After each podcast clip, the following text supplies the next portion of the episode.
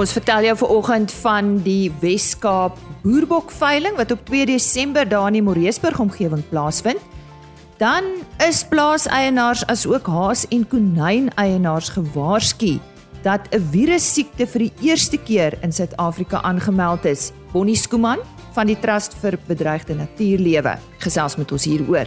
En dan is Jurgens Reinders van Danbred ook in die woord oor varkgenetika en wat vir die produsent van belang is om aan die verbruiker se behoeftes te voldoen. Ek vertrou jy het 'n goeie naweek gehad. Baie dankie dat jy ingeskakel het vanoggend vir nog 'n aflewering van RSG Landbou. Produsente en ander belanghebbendes was onlangs by een vir 'n vark simposium aangebied deur die Deense varkgenetiese maatskappy Danbred. Christelise Miller het hierdie geleentheid bygewoon en daarmee Jurgens Reinders bestuurende direkteur van Danbred gepraat. Danbred het 'n baie unieke maar ook 'n baie eenvoudige struktuur. Ons teel eintlik net vier lyne. Ons het 'n suiwer grootwit of 'n Yorkshire. Ons het 'n suiwer landras lyn wat ons kruis met mekaar en teel ons 'n F1 of 'n Danbred hybrid gilt. En dis dis ons wit lyne. Dit is die moederlyn of die dam lines wat ons gebruik in ons teelprogram. daarmee saam met ons 'n D-Rock, 'n Deense D-Rock of 'n Danbred D-Rock wat ons terminale lyn is. Ons teel die lyn suiwer. Ons gebruik hom ook net suiwer. Ons gebruik die terminale D-Rock kruis ons met die Danbred Hybrid Gilt om 'n topklas slagvark te teel. Ons seleksie doelwitte is ook baie doelgerig gekies om vir die boer maksimum voordeel te gee en maksimum wins vir die boer te maak. Ons probeer ons nie verstrengel kry in 'n klomp doelwitte wat wat moeilik is om voor te teel nie want op die einde van die dag kan jy nie van alles teel nie. Jy moet kies waarvoor jy teel, waarvoor jy selekteer en in Danbred omdat Danbred 'n boereorganisasie is behoort aan varkboere in Denemarke is daar nie 'n seleksie doelwit gekies wat nie bydra tot die ekonomie van varkproduksie nie. Ons het verskillende teelstrukture waar ons boere help op die plaas, die Danbred Yorkshire, die Danbred Landras. Ons kruis die twee vir die Danbred Hybrid op 'n Danbred Deerhoek. Julle witlyne, wat die eienskappe wat uitstaan? Danbred is waarskynlik by die meeste boere bekend vir sy vrugbaarheid. Danbred het die vrugbaarste soggie in die wêreld. Dit is werklik waar so vroeg in die 90's het hulle al diere produseer wat moeders produseer wat 30 varkies per sog per jaar kon speen. Vandag is die top leierboere in Denemarke speen 44 per sog per jaar. Hulle is uit en uit die wêreldleiers op hulle moedereienskappe en en Danbred word baie word word eintlik daarvoor geken maar natuurlik is die dierhok net so belangrik en vandag word die dierhok geplaas in aansien in gelyke maat as die boederlyne. Die dierhok is 'n skitterende skitterende ras. Eerstens is die Danbury dierhok um, baie veredel. Dis 'n ras wat baie sterk is. Ons noem dit robuust, baie robuust.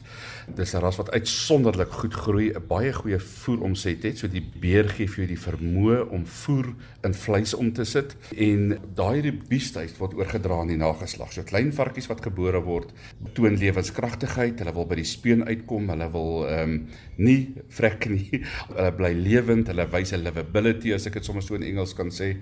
En die Danbury Deerhock het 'n laat ek sê wêreldwyd is daar 'n massiewe beweeg na die Deerhock toe. Die Deerhock lyn of die dierok rasse vleis is 'n klein bietjie rooier op die Minolta kleurkaart. Dit maak die vleis meer aantreklik vir die verbruiker en die dierok gee vir jou in sy vleis 'n bietjie meer 'n marmering, marbling. Dis omtrent 3.5% 'n marmering wat jy kry in jou vleis. Dit maak die vleis sagter, maak dit vir die verbruiker lekkerder. En op die einde van die dag is ons as varkboere se produk wat ons produseer vleis, varkvleis en ons wil graag die verbruik van varkvleis stimuleer en vermeerder. Hoe gaan dit in die stadium met die Suid-Afrikaanse varkproduksie veral met julle kliënte? OK, dit gaan met die industrie sleg. Ons kom uit 'n baie slegte tyd. Vir die eintlik vir die laaste 3-4 jaar is die varkbedryf onder druk. Die een terugslag na die ander. Varkboere vandag besef dat om volhoubaar te boer, moet ons slimmer boer as gister. Ons moet beter boer as gister. En dit is en on, ek sê altyd ons moet meer doen met minder. En dis die Danbred voordeel. Danbred is 'n uitsonderlike maatskappy. Ons kan vir boere help deur meer vleis, meer varke te produseer, 'n ontsettende vrugbare engine as ek dit so kan noem en 'n beerlyn wat dit komplementeer wat die varke vinniger laat groei, minder voer gebruik vir die eenheid vleis en so aan. Ons is geseën in Suid-Afrika, ons het top teelmaatskappye hier, so ons is nie uniek nie. Ons is baie opgewonde oor die toekoms opgewonde oor die toekoms. Dis verblydend om te hoor wat lê nou voor. Ons het 'n paar doelwitte. Ons wil graag 'n KI-stasie gebou het om ons tot 'n nuwe vlak te vat. Ons het dit tans voltooi. Ons het tans 'n wêreldklas ehm um, KI-stasie gebou naby Bronkhorstspruit. Ons het die eerste beere in en dis vir ons die eerste merk na nuwe doelwitte. Ons het 'n redelike aggressiewe uitbreidingsplan. Ons wil in die volgende 2 jaar al ons plase hoë gesondheid hê. Uh, ons is besig om 'n plaas, 'n teelplaas Leanside uh, te depop en te repop. Ons sal al die siektes wat op hy plase is uithaal. Ons KI-stasie ook is 'n hoë gesondheids KI-stasie. En dan wil ons graag ons platform uitbrei. So daar kom nuwe plase toe. Ons bou in die volgende 2 jaar twee nuwe multipliers in Denbred wat vir ons gaan bydra tot ons voorsiening van ons diere. Ons het gehoor dat daar baie uitdagings oor die wêreld heen is as dit kom by varkproduksie, maar daar is 'n greintjie hoop in die sin dat al hoe meer mense uh, gaan gevoed word in die volgende 10 jaar wat voorlê. Dit is waar ons besef dat die vraag na proteïen gaan styg ons gaan moet slimmer boer, ons gaan moet meer doen met minder. Die hulpbronne tot ons beskikking is ook beperk en ons gaan die verbruiker moet lus maak vir vark. Die, ons wil graag sien dat die verbruiker, veral in Suid-Afrika waar die tipiese deesdae verbruiker nie vark baie goed ken nie, ons wil hulle nader bring aan ons produk. En dit is ekskuus vir die Engelse woord consumer education en ons glo daar's 'n fantastiese Omdat 'n vark een van die diere is wat baie goed voer en vleis omsit, glo ons vark vleisverbruik sal toeneem en sal ander toeneem, selfs soos hoender. Vark en hoender is van die gewildstes en die doeltreffendste om voer in in vleis om te sit en natuurlik om die massas te voer, gaan ons moet beter boer. Ons natuurlik omgewingsbeperkings, maar verseker as daar industrie is wat homself besig is om te rad vir die voorsiening van vleis in Suid-Afrika is dit die varkindustrie. Ons is 'n groep klein groep boere wat eintlik baie goed saamwerk. Ons het 'n baie mooi nasionale organisasie in SAPO. Ons het 'n baie goeie bestuurshoof in SAPO. Daar's nuwe denke, daar's nuwe energie en ek sien uit na die toekoms van die varkindustrie in Suid-Afrika. Baie baie dankie. Dit was Jurgens Reinders, bestuurende direkteur van Danbred Africa. Christelise Miller, ons medewerker daar in die Potchefstroom omgewing wat 'n Dan Bread geleentheid in Potchefstroom onlangs bygewoon het en daar met Jurgens Reinders, bestuurende direkteur van Dan Bread, gesels het. As jy nou eers ingeskakel het, goeiemôre. Jy luister na RSG Landbou. Baie welkom. Die Weskaap Boerbok Klub bied op 2 Desember uh, hulle veiling aan en uh, dis ook die laaste veiling waaroor ons gesels hier op RSG Landbou tot 2023. Maar dit is my voorreg om met die sekretaris van hierdie klub, Dieter Skutte te praat. Dieter, vertel ons bietjie meer van die Weskaap Boerbok Klub en julle lede. Goeiemôre Elise en al die luisteraars. Ja, baie dankie. Dit is 'n groot voorreg om vir julle meer te vertel van uh, Weskaap Boerbok Klub is gestig in 15 Desember 1989 met 5 stoetelers daar het 'n behoefte ontstaan om 'n klub te stig veral omdat daar so baie kommersiële bokboere veral in die Makoland was. En dit is dan die rede hoekom daar 'n klub gestig is en dit toon dat daar is baie mense wat belang stel in daai stadium en nou ook in die bedryf. Weskaap Boerbok Klub se se grens net om vir die luisteraars 'n idee te gee strek van George af tot in Oudtshoorn En dan ry 'n mens met die N12 van Oudtshoorn af Beaufort Wes toe, om Beaufort Wes af Kanaven toe en dan van Kanaven af basies tot by Pofadder. Ja, dis so, groot. Dis 'n groot area. Dis 'n baie groot area. Ja, so Weskaap Boerbok Klub, ehm um, dis dit oor 'n lekker groot streek waar ons tans om en by so plus minus 90 lede is.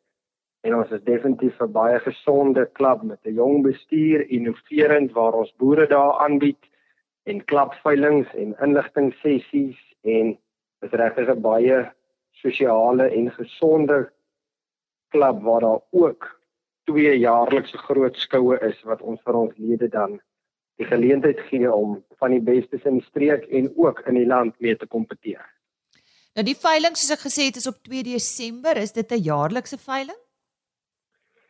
Ja, Lise, dit is 'n jaarlikse veiling wat hierdie jaar vir die eerste keer gaan aangebied word op Moreesburg. Ons het goed gedink om die veiling te skuif om dit bietjie meer te sentraliseer omdat daar 'n rede 'n relatiewe klompie van ons kopers is wat uit die Suid-Kaap uitkom. So ons het gevoel dit is makliker en meer sentraal om die veiling op Moreesburg aan te bied en dan gaan die veiling ook aanlyn aangebied word deur CDP se aanlyn platform. Wat is op aanbod vir jaar Dieter? Met hierdie jaar het ons 30 ramme en 100 oeye.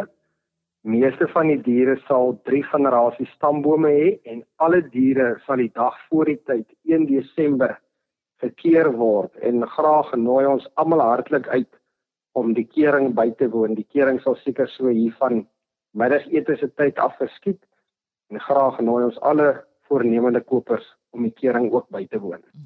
En dit belangstellende sal weet waar in Moreesburg, né? Is daar net een plek waar dit aangebied kan word? Ja, dit word aangebied by Moreesburg se skougronde. Goed. Mariesburg se skougronde beskik oor 'n paar persele, so dit sal wees by die veepos mm -hmm. en daar sal oral BKB bordjies op wees wat die mense sal kan volg na die veiling toe. Goed. As iemand belangstel, uh kan hulle met jou skakel. Wat stel jy voor? Kontakbesonderhede gewys. Ja, hulle kan vir my skakel by 079 500 7525 of vir Mac Hendrik Jordaan ons voorsitter by 072 908 4531 en indien daar enige koper is wat nie die veiling kan bywoon nie vra ons asseblief dat hulle registreer by CDP en daar sal foto's en video's beskikbaar wees van al die diere wat op die veiling aangebied word. Dieter, baie dankie. Dieter Skut het hy is die sekretaris van die Weskaap Boerbok Klub wat vandag met ons gesels het oor hulle veiling van 2 Desember. Soos hy gesê, dit is vanjaar bietjie meer sentraal daar by Moreesburg by die veepos. Die besonderhede net weer, ek gaan net Dieter se selfoonnommer herhaal 079 500 7525 en soos hy gesê het op 1 Desember is die diere alreeds daar indien jy graag wil gaan kyk. Die kopers kan gerus wees van die baie goeie kwaliteit wat aangebied word en alle diere sal sentraal afgelewer word. En so sê Dieter Skutte.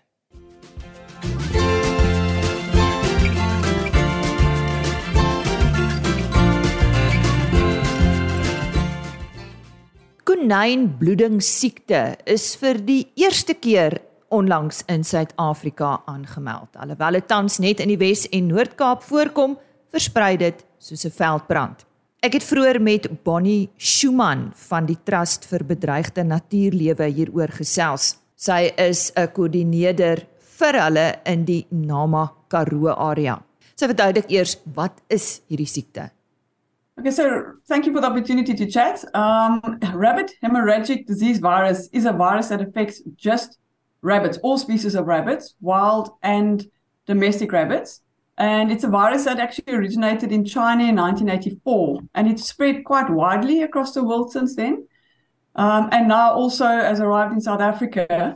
Um, and it affects, it's, it is affecting, we have records of our wild hare species, uh, red rock rabbits, as well as domestic rabbits at this stage. Het hierdie siekte dalk iewers in die geskiedenis ook in Suid-Afrika voorgekom? No, this is the first time that it's actually um, arrived in South Africa. Um, it hasn't, it has not been here before, but it's the first time that it's arrived here. Alhoewel dit net in die Wes en Noord-Kaap voorkom, verduidelik sy presies waar. Sure. So um, the cases that have been confirmed are quite widespread. We've had initial reports in the Sutherland and uh, Middle Post area. That's where we got the first reports from farmers last month. And since then, it's spread as far afield as Springbok. Um, to the east towards Graafrenet, we've got reports from the Richmond area, uh, Carnarvon, um, Calvinia, and it's also been reported in the Western Cape down in the Laingsburg, Toastrivier area. So it's spreading quite rapidly, um, and we are getting reports from, from quite far afield. And we're getting reports from people with domestic rabbits, as well as from farmers um, reporting wild hare deaths. Soos ons kon aflei, is hierdie siekte baie aansteeklik. Yeah, so yes, it's very, very contagious and it spreads very easily. Um, sure, a very difficult thing to manage because it's spread by um, by a lot of different ways. So it's likely that, for instance, flies, crows, um, it can spread through feed. So containing it is exceptionally difficult. Uh, quarantining domestic rabbits is very difficult because it does spread very easily, and the virus is very hardy, very resistant. So once it's outside its host, it can actually survive extremely high temperatures, up to 50 degrees and also it can actually survive freezing. Um, and it probably persists outside of the host for about 3 months. Hou dit enige gevaar in vir die mens? Met ander woorde, is dit 'n zoonotiese siekte? It's it's only affects the lagomorphs, so all the hare and rabbit species. It doesn't affect any other species. It's not zoonotic, so it can't affect humans at all. And it can't affect, for instance, people are quite worried about their pet dogs and their cats and so on. It can't affect them either. It's only the only the rabbit and hare species that are affected. And worldwide, in all the other countries where it's occurred, and in South Africa, the state that is the case. Waarom is die trust vir bedreigde natuurlewe so bekommerd hieroor? So we, um, as the Endangered Wildlife Trust, have been working for a number of years on the conservation of the critically endangered riverine rabbit. And the riverine rabbit is a species that occurs in the Nama Karoo along the seasonal rivers, but it also occurs down in the succulent Karoo, primarily in the Klein Karoo, um, across the veld, not just in the riparian areas, but more widely across the habitat. The problem is it's a very large area, but there are very few rabbits left. And where they occur, most of them are in small pockets. So they're quite isolated due to fragmentation of the habitat. So there's been a lot of transformation through plowing and so on. So what we sit with is rabbits over a wide area, but in small populations. Um, and we're very concerned because the mortality rate of this virus is around about 80%. So if you have a small population that gets hit hard by the virus, we're very concerned that the numbers remaining um, will they be genetically viable in the long term. So that's our greatest concern. Maar hoe weet ek en jy wat die tekens is en waarvoor moet ons uitkyk? So the first thing that's going to happen is farmers, um, what they started to see is dead hares on the farm, and the hares are in the vegetation is not very dense, so they they spotted them quite easily. Also, the hares on the farms tend to come to the lucerne lands. So one of the places the farmers first noted trouble was around the lucerne lands. They started to see a number of dead hares lying there, which is very unusual. The farmers said they've not seen um, deaths among the wild hares at this scale anywhere in the past. So what you'll see is not just one, but you'll start to notice a number of dead hares on the property. And that's the first sign of trouble. And scrub hares uh, and cape hares are affected. And then we have had some reports from farmers as well um, reporting dead red rock rabbits. They're more difficult to get reports on because farmers have to, you have to specifically go look in the koppies and in amongst the rocks to actually find them. So I think they've been quite underreported at this stage. That's also our concern with the red, with the um, riverine rabbit because they're in very dense vegetation. So unless people actually specifically go look to see is there a problem in those areas, um, it's possible that they haven't been reported yet because it just hasn't been seen. Sy verduidelik ook wat gebeur met die dier wanneer hulle hierdie siekte onderlede het. Okay, so a rabbit hemorrhagic disease virus affects primarily the liver and it causes a lot of damage and necrosis in the liver. And the other organs that are affected are the spleen and the lungs as well. It causes a lot of uh, clotting and so on. Mm. Um, and it's a it's a virus that acts very rapidly. So once a rabbit's infected, it takes between one to three days before it actually will show signs.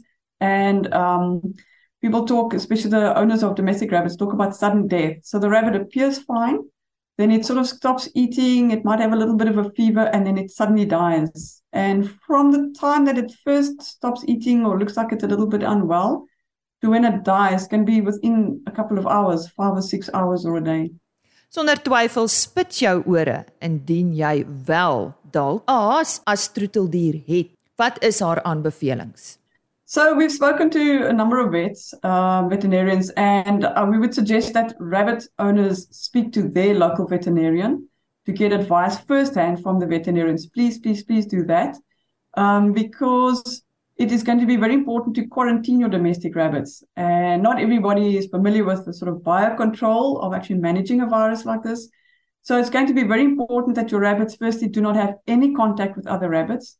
And remember, if friends of yours have got rabbits and you go visiting and you cuddle their rabbits and then you come home, you're essentially creating a direct link between those rabbits and your rabbits. So people with pet rabbits must be very careful to keep the rabbits isolated and quarantined. You can even do things like disinfecting your feet when you come home, wash your hands and so on before handling your pet rabbits. And then also even pay attention to where your feed is coming from. So, um, if, for instance, especially people on farms who have pet rabbits, if you're cutting feed outside um, on the Lucerne lands where rabbits have died, you don't want to do that. So, pay attention to things like that. But please, we're urging pet owners to speak to their veterinarian. Um, you can use bleach as a disinfectant, it's really good. But there are other products that the vets can maybe help with. So, we are really urging um, rabbit owners to talk to their veterinarians. And then from the farmer's side, if they see carcasses in the veld, please, please, please, if they could report those sightings to the Endangered Wildlife Trust, and I can give you my my our email address in a little bit. But if they report those sightings to the Endangered Wildlife Trust, we are working as an organization quite closely with the Department of Agriculture, the veterinary sector, as well as with the Departments of Conservation, uh, Cape Nature, and then the Northern Cape Department of Conservation. We're working quite closely to at least try and monitor this outbreak. And what we're also looking at doing is getting samples from the different uh, regions up to Onderstepoort so that they can be properly tested so we can verify exactly where this virus is occurring. And so we're mapping the extent of it um, across South Africa to really see where it is, what the impact is having, and so on. This baseline will be quite important because going forward, we will then be starting to look at recovery of these lagomorph populations. So are we starting to see live hares coming back into the into the habitats um, in a couple of months' time? So that's going to be very important. It must be reported. Um, so the state veterinary sector has been quite active in, if we get farmers who report to us, then we put them in touch with their state veterinarian and they can also, um, obviously most farmers know who their state veterinarians or vet technicians are. So they can contact them directly because they will know if we need to get samples from their particular area up to Onderstepoort as well. So twofold, if they can contact the Endangered Wildlife Trust, as well as the state vet- veterinarian in the area we would really appreciate that. There are vaccines available for this virus, and it's also important to know there are two strains of the virus. So initially it was uh, RDV1, which primarily affected domestic rabbits. Subsequently, RDV2 has been recorded in a number of countries, and it affects both domestic and both wild. Um, at the moment, Onderstepoort is typing the virus. They're working really hard to try and figure out which one of the two it is. It's likely that it's RDV2 because it is affecting domestic and wild rabbits. They need to type the virus because the vaccine that will be imported will need to be virus specific for that specific strain. Um, and then, so the virus, the vaccine is effective against the virus, but because it's novel, it's the first time it's occurring in South Africa, we don't have the vaccine in the country. So it's going to take a couple of months to get the paperwork in place to actually import the vaccine. And then um, it's going to have value to people who own pet rabbits and the domestic rabbit breeding industry. Um, ideally, hopefully, when it comes in, it's affordable because it could be potentially very expensive. But then at least one could look at vaccinating domestic rabbits and curtailing the virus sort of reservoir in the domestic rabbit populations because they quite often have contact with the wild rabbits. So if we can get the domestic rabbit populations vaccinated, at least that reservoir is not available to the virus.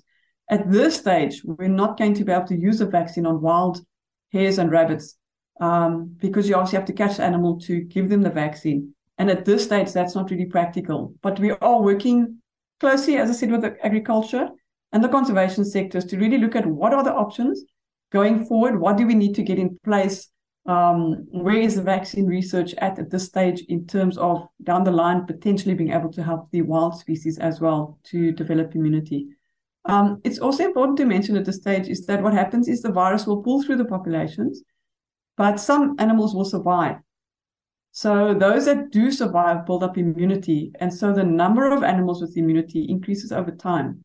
Um, in most countries where RH, uh, RHCV has arrived, it's there to stay.